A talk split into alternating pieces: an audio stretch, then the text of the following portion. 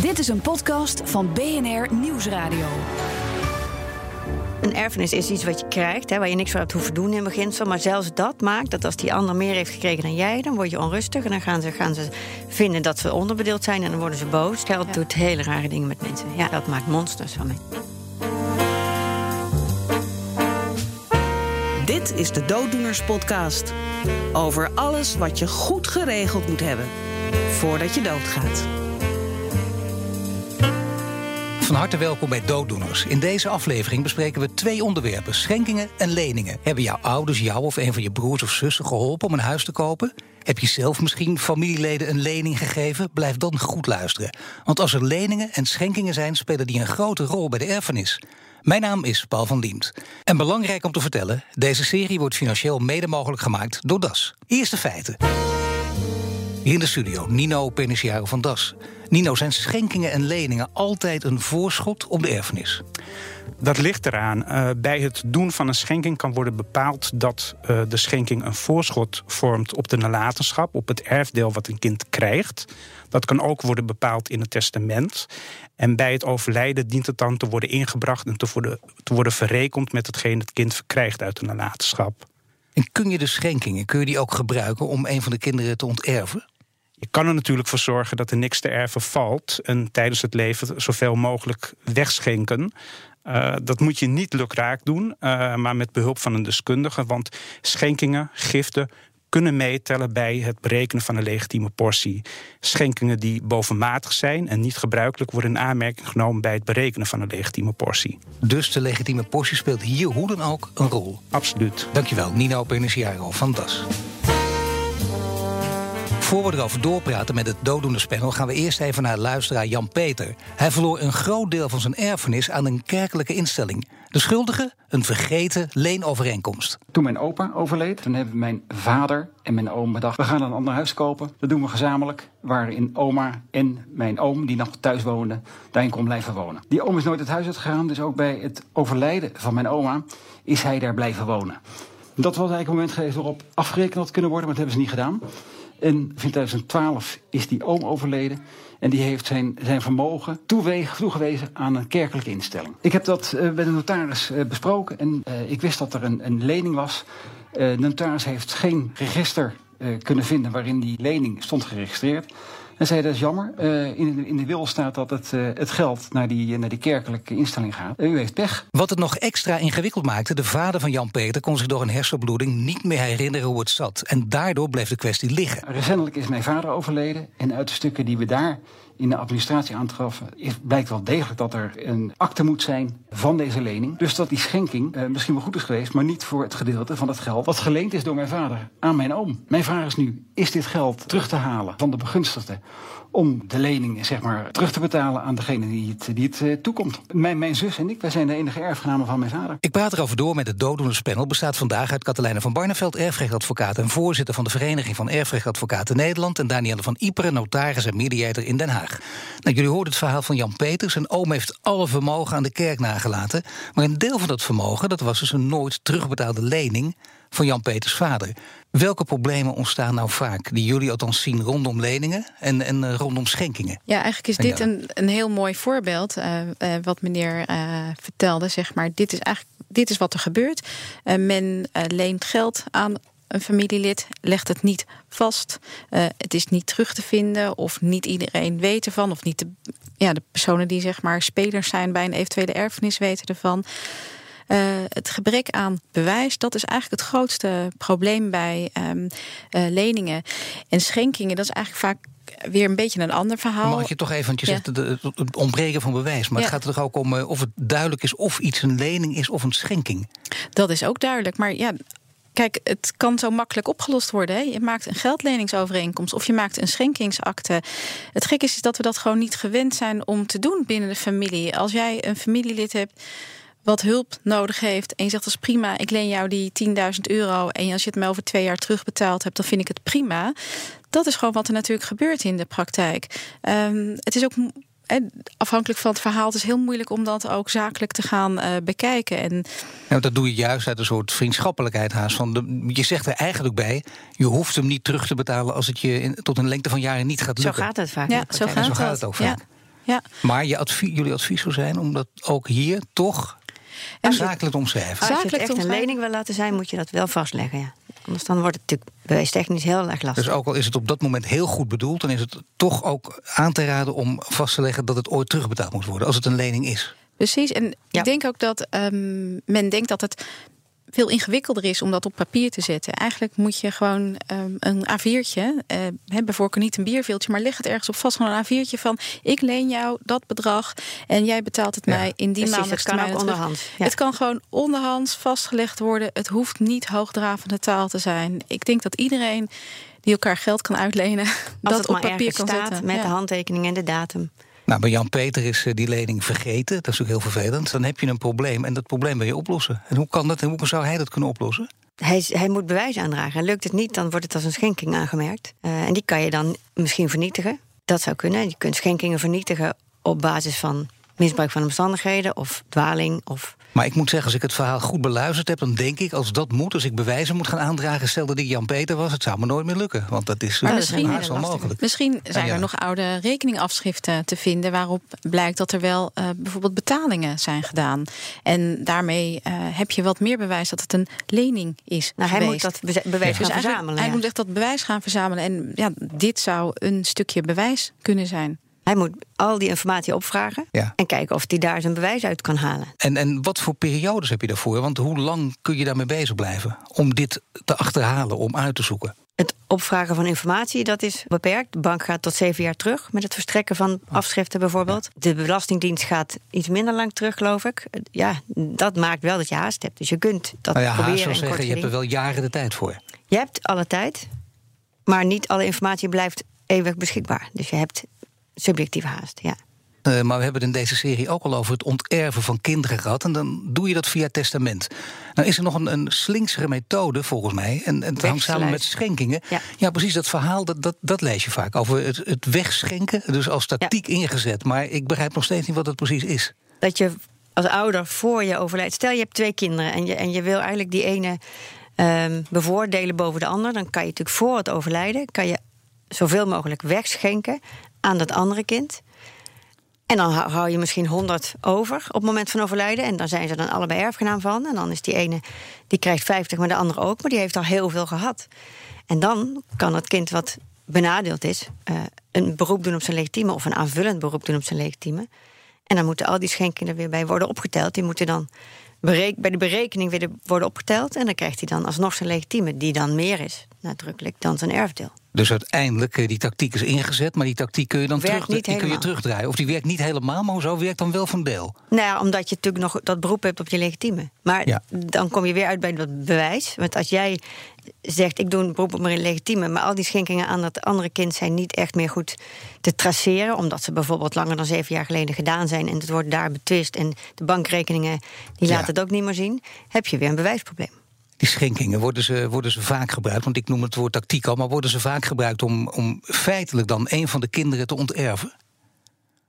Ja, ik Ja, denk het wel. toch? Ja, dat Ja. denk ik wel. Ja. En heel veel zien wij ook natuurlijk niet. Daarom, nee. Ehm, eh, voorheen moesten de schenkingsactes altijd via de notaris. Nou, dat is op een gegeven moment afgeschaft en dat is prima. Maar dat betekent ook wel dat er veel minder aan bewijs eh, en administratie is van bepaalde schenkingen die gedaan worden. En soms krijg ik ook gewoon cliënten aan tafel. en Die hebben zelf hun eigen pasklare oplossing bedacht om het geld allemaal weg te schenken. Door bankrekeningen voor eh, kinderen te openen, kleinkinderen en wat dan ook. En dan kunnen wij wel uitleggen dat dat feitelijk niet zo werkt. Maar als het toch gebeurt, dan is het gebeurd. En dan hebben wij daar verder natuurlijk, na overlijden kan je dat Nee. niet meer traceren. Nee, dat is te dat laat is dan. wel als, als mensen bij mij komen en die, hebben, die Dat zijn onterfd... en ze zijn dus legitimaris en hebben recht op een legitieme... dan is dat waar de hele procedure altijd naartoe gaat. Namelijk zoveel mogelijk boven water halen van gedane schenkingen. Dat betekent dat eh, als je die tactiek goed wil inzetten, even nu redenerend van de ouders die, die een van de kinderen willen bevoordelen, maar dat niet willen laten merken aan de andere kinderen, dan zou je eh, het kind eh, zoveel mogelijk schenking in cash moeten geven. Ja, zo min mogelijk traceerbare schenkingen. Ja, En van dat- de opleiding voorschieten. eh, hè? Dat En soort dingen. Dat soort zaken. Materiële giften. Materiële giften. Ja. En niet alle giften worden ook meegeteld. Er zijn ook giften die je gewoon wel mag doen. Want je mag best gewoon eh, sparen op het eh, rekeningnummer van je kleinkind 5 euro per maand. Dat mag gewoon Niet wel. buitensporige. Nino Ja. zei het al, ja. Ja, Ja, dus dat- als het gewoon allemaal ja. binnen, ja, niet Binnen buiten de perken. binnen de perken blijft. Veel etentjes. Ja, maar wat is dat, Dat dan? mag allemaal. Maar wat, ja, maar wat is binnen de perken blijven? Want eh, vier etentjes per week, dat is natuurlijk... eh, Moet je ook kijken naar het vermogen van je ouders. Hè? Of dat een Ja. beetje naar verhouding is. Wat, wat is buitensporig?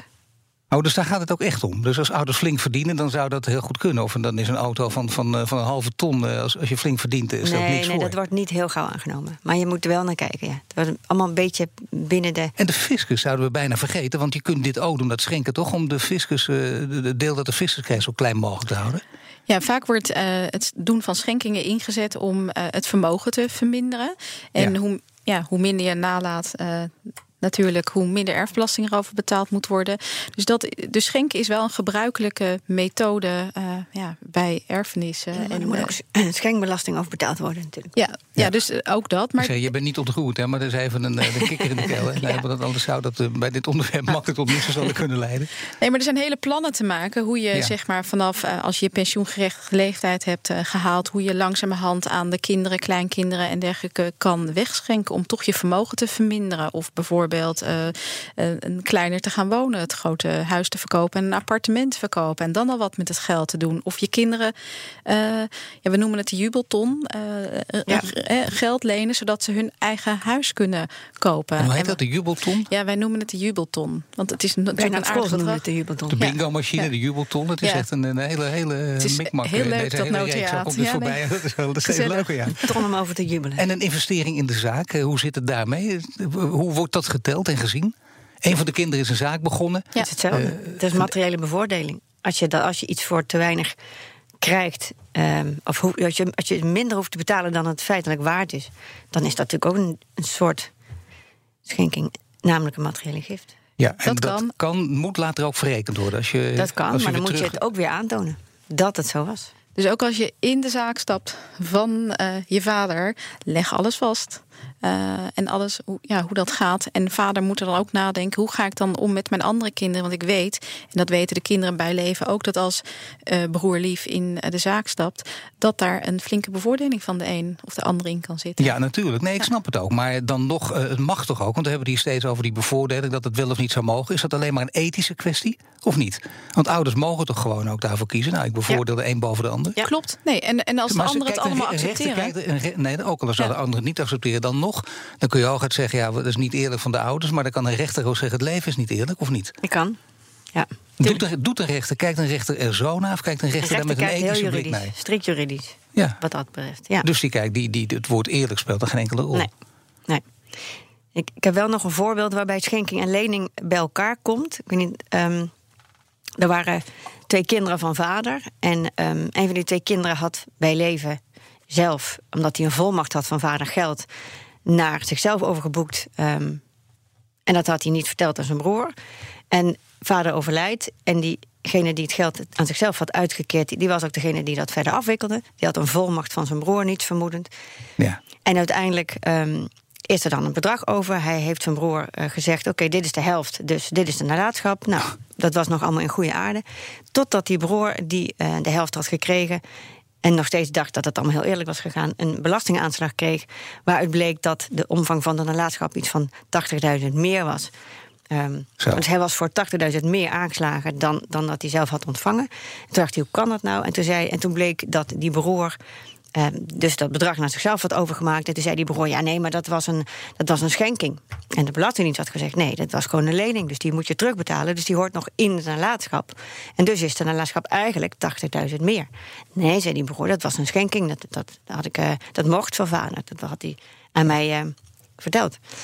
En uiteindelijk... ehm, kreeg hij daar geen gelijk in. Want normaal moet je dus, als je zegt dit is een lening, moet je zelf bewijzen dat het een lening is. Maar in dit geval heeft de rechter de bewijslast omgedraaid, omdat die broer had gezegd: Is dit echt alles? Ja, zegt alles. Weet je het zeker? Ja, weet je het zeker. Nooit verteld.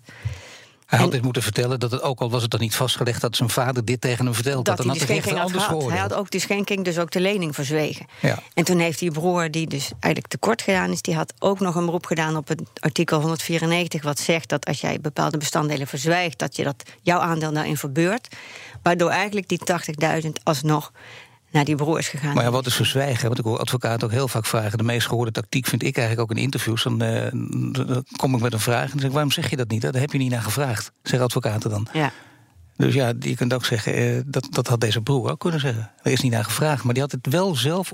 Ja, dat zeggen, was zo Mensen ja. die dit horen, die denken, ik krijg hiermee te maken. Maar er was wel Leg het zelf op tafel. Er was Ik vind dit in het gevraagd. kader van de afwikkeling van nalatenschap en zodanige grote schenking is het wel wat anders. Dat is echt een soort moreel dilemma, denk ik, waar je. eh, Het was heel Ja. nadrukkelijk verzwegen, deze schenking van... Het is toch 80.000, ik bedoel. Ja. Maar het gebeurt vaak, hè? Al dit soort constructies eh, binnen eh, families, binnen gezinnen ook, eh, worden vaak.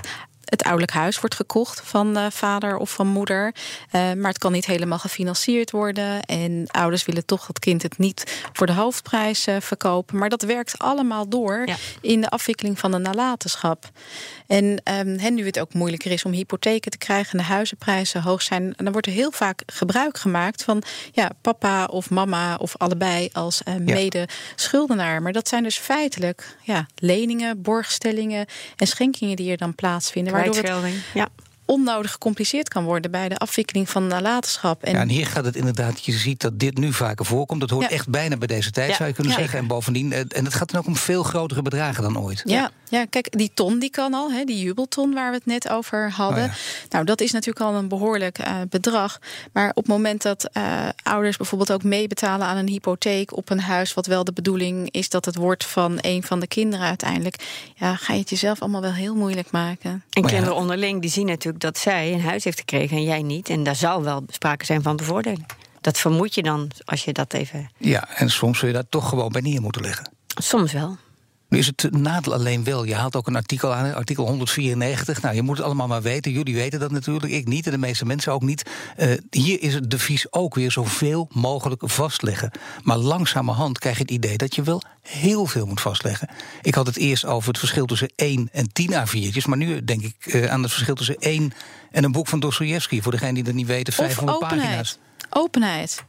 Ga de constructie bespreken met het hele gezin aan tafel. En zeg dan als vader en moeder: dit doen we en dat willen we. Ja, en excuus, maar dat is echt Ja. de ideale situatie Ja. inderdaad. Hè? Ja, bedoel, dat is de ideale meestal, want Dit zijn situatie, toch maar, vervelende ehm, situaties die je altijd haken en ogen aan. Dus altijd iets wat niet helemaal exact klopt. nee, maar toch. Daar loop ik natuurlijk als advocaat heel vaak tegenaan. Dat mensen met bewijsproblemen zitten. Omdat, ze, omdat het allemaal niet goed op papier gezet is. En natuurlijk, heel veel doen ze mondeling, telefonisch. En dat kan je dan later niet meer aantonen. Dat is echt soms heel ongelukkig. Ja, en nou ja, zelfs Gelukkig dan, gaat het ook wel eens goed. Dus gelukkig Ja. zie ik ook wel dat er Ja, die zie jij allemaal wel. rampscenario's. Dus maar gelukkig gaat het ook wel eens goed. Dat men gewoon echt Nee, het gaat weet wel van een goed of is het constructie. een beetje 50-50? Nee, nee, het Mijn gaat ook is wel dat het eens bijna goed. altijd misgaat. Nou ja, kijk, eh, als het goed gaat, dan hoor je het natuurlijk niet. Je krijgt het terug als het misgaat. ehm, eh, of dan komt het bij een advocaat en dan eh, ja, komt het Ik naar alleen wat buiten. Nou, nee, maar vanuit Ja. het idee vanwege eh, ja, follow the money. Dus uiteindelijk, eh, hoe, hoe leuk het allemaal is, maar als het over geld gaat, dan komt er altijd ruzie van. Komt altijd ruzie van. Altijd iemand Ja. die zich benadeeld voelt. Geld Ja. doet hele rare dingen met mensen. Ja, geld maakt monsters van mensen. Oh, zo erg zelfs. Ik denk het, ja. Nee, je ziet het echt. Maar ja, je ziet het echt in algemene zin, bedoel je, of in je eigen praktijk? Of schiet Ik je zie nu het in mijn eigen praktijk, Je, ja, ziet, het- ja. je komt wel één monster per week tegen. Nou ja, zelfs, zelfs ik bedoel, een erfenis is iets wat je krijgt, hè, waar je niks voor hebt hoeven doen in beginsel. Maar zelfs dat maakt dat als die ander meer heeft gekregen dan jij, dan word je onrustig. En dan gaan ze, gaan ze vinden dat ze onderbedeeld zijn en dan worden ze boos. Terwijl eigenlijk mag je heel blij zijn met wat je krijgt. Dat je zou je kunnen iets denken. krijgt. Ja, dat zou je kunnen denken. Maar dat is dan toch meer de psychologie inderdaad. Ja. Van kijk eens even, de- de- degene die dicht bij me staat, krijgt meer. Ja, en het is enige. indirect natuurlijk ook dat je denkt... ja, maar jij, jij hebt altijd voor mama gezorgd en ik nooit. Hoe kan jij dan nog meer krijgen dan ik? Dat, zijn, dat komt van alles bij kijken. Telt dat argument overigens ook mee bij de rechter? Dat je daar meer tijd in hebt gestopt en meer voor gedaan hebt? En dat, dat... Nou, ja, uiteindelijk Dus heb je wel redelijkheid en billijkheid... maar dat is niet een argument, nee. nee. Nee, het is Dat geen is wel- argument. nee. Dus de ene heeft echt helemaal niets gedaan. Ik probeer het even scherp te stellen. En de andere heeft echt elke dag Ja. voor zieke moeder gezorgd. Nee, en dat is vooral maakt heel dan niet zuur. uit. Nee, nee. Ja, nou ja, hoewel. Ja. Dan, he- anders zou degene, de zieke moeder, eh, dus hebben verzorgd alleen met in het achterhoofd, eh, omdat het geld oplevert. Nou ja, er zullen ook zat kinderen zijn die, met die gedachten. Neven, die eh, komen de- opdagen op het eind. Dat ze denken, oh, ik heb een hele leuke tante. Laat ik eens even wat vaker voor haar eh, komen zorgen. Ja. koffie brengen. En dan, oh, eh, by the way, zo even naar de notaris. Ja. ja. ja, leuk vak toch? Of u vindt het goed, tante, dat ik alvast dit eh, schilderij meeneem. Dank u wel, heb ik die schenking alvast bij leven gehad. Ja. Zal ik even gaan pinnen voor u? Ja. Ja, nou, het wordt steeds leuker, ja. En dan eh, minder leuk. Als de ouders nu eh, zelf schulden hadden waar je helemaal niet op rekent, dat kan ook. En die blijken dan enorm veel schulden te hebben. Dan worden die schulden op jou overgedragen. Altijd. Of op jullie, de kinderen. Op de kinderen. erfgenamen? Ja, in principe gaan die over naar de erfgenamen. Dus eh, het is voor de erfgenamen ook wel heel Belangrijk. Om inderdaad in kaart te brengen. Wat is er? Zijn er schulden? En hoe hoog zijn die schulden? Dat je van die bluffende ouders die bijvoorbeeld, Ja. eh, nou misschien, ik durf het haast niet te zeggen in deze tijd, maar misschien is dat toch vaker de vader en die zegt, nou we hebben barsten van het geld, we hebben ontzettend veel, eh, maar hij wil het gesprek maar niet aangaan. Dan zou het daarmee te maken kunnen hebben. Want dan moet hij aange- aantonen dat hij schulden heeft. Ja. Ja, er komen wel eens lijken uit de kast, zo Ja. noemen we dat. Eh, die, Ja, dat er dan toch een, ergens een schuld blijkt te zijn. En die is dan ehm, ook wel of niet. Als je dat vermoedt, heb als je dat vermoedt, ja, je hebt een keer. Nou, een, een erfenis meegemaakt waarbij de man... die, die bleek een, eh, een eh, apart kamertje in het huis te hebben... waar nooit iemand kwam en niemand wist wat daar was. En dat, dat werd al heel lang zo gedoogd en geaccepteerd. Maar die bleek daar inderdaad, dat was zijn gokpaleisje. Daar had hij dus allemaal... eh, en, en hij bleek dus heel veel gokschulden te hebben. Ai, Niemand ai, wist dat hij dat deed, überhaupt. Ja, nou ja, dat soort... Gokschulden is inderdaad een ding. En dat, dat, dat leg je niet vast. Dat staat er niet. Nee. Dus dat leen je bij vriendjes. Ga je ook En, niet in eh, een reden gesprek met de hele familie vertellen? Nee, vertel Nog je ook één niet, ik ben dingetje trouwens. Ik heb ook heel veel gokschulden. Ja. Ja. ik hou nou helemaal van gokken. Ja. Bingo machine, Als bij de notaris twijfelt. eh, ben ik eh, op het spoor gekomen. nee, goed. Maar als je twijfelt, nee, maar dat is het Dan wel. moet je sowieso beneficie aanvaarden, altijd. Nou, maar goed, als je dit vermoedt, dat er zoiets aan de hand is Ja. in leven, wat Ja. dan? Je toch maar beter zeggen, ik wil die geheime kamer zien en nu en desnoods de deur intrappen als je de sleutel niet krijgt? Ja, ja. Ik weet niet of dat de verhoudingen Nou, ja. beter Nee, maakt. nee. Maar kijk, je kan Nee, je altijd geruststellen. Nee, maar goed, eh, we hebben natuurlijk wel eens mensen die die vragen aan ons stellen van... eh, nou, ik heb toch het idee dat mijn vader of mijn moeder eh, straks een negatieve nalatenschap eh, heeft. Wat kan ik daaraan doen? En er zijn gewoon opties voor. Je kan een nalatenschap beneficiair aanvaarden. Daarmee zeg je dus van ik betaal alleen de schulden af voor zover er ook echt baten in de nalatenschap zijn. Je kan het uiteindelijk ook verwerpen. Ehm, er zijn gewoon voldoende opties om eh, er uiteindelijk op een bepaalde manier mee om te gaan. En het mooiste is als je vader bij leven natuurlijk weer eh, eh, op het rechte pad eh, helpt. Maar ook dat is natuurlijk de ideale situatie. Ik dank jullie. Danielle van Iperen, notaris en mediator in Den Haag... en Katelijne van Barneveld, erfrechtadvocaat... en voorzitter van de Vereniging van Erfrechtadvocaten Nederland. En dat was de aflevering van Dooddoeners voor deze keer. In de volgende aflevering dan hebben we het over mensen die samenwonen en kinderen hebben... maar die nooit iets op papier hebben laten zetten. Want dat is een recept voor een drama.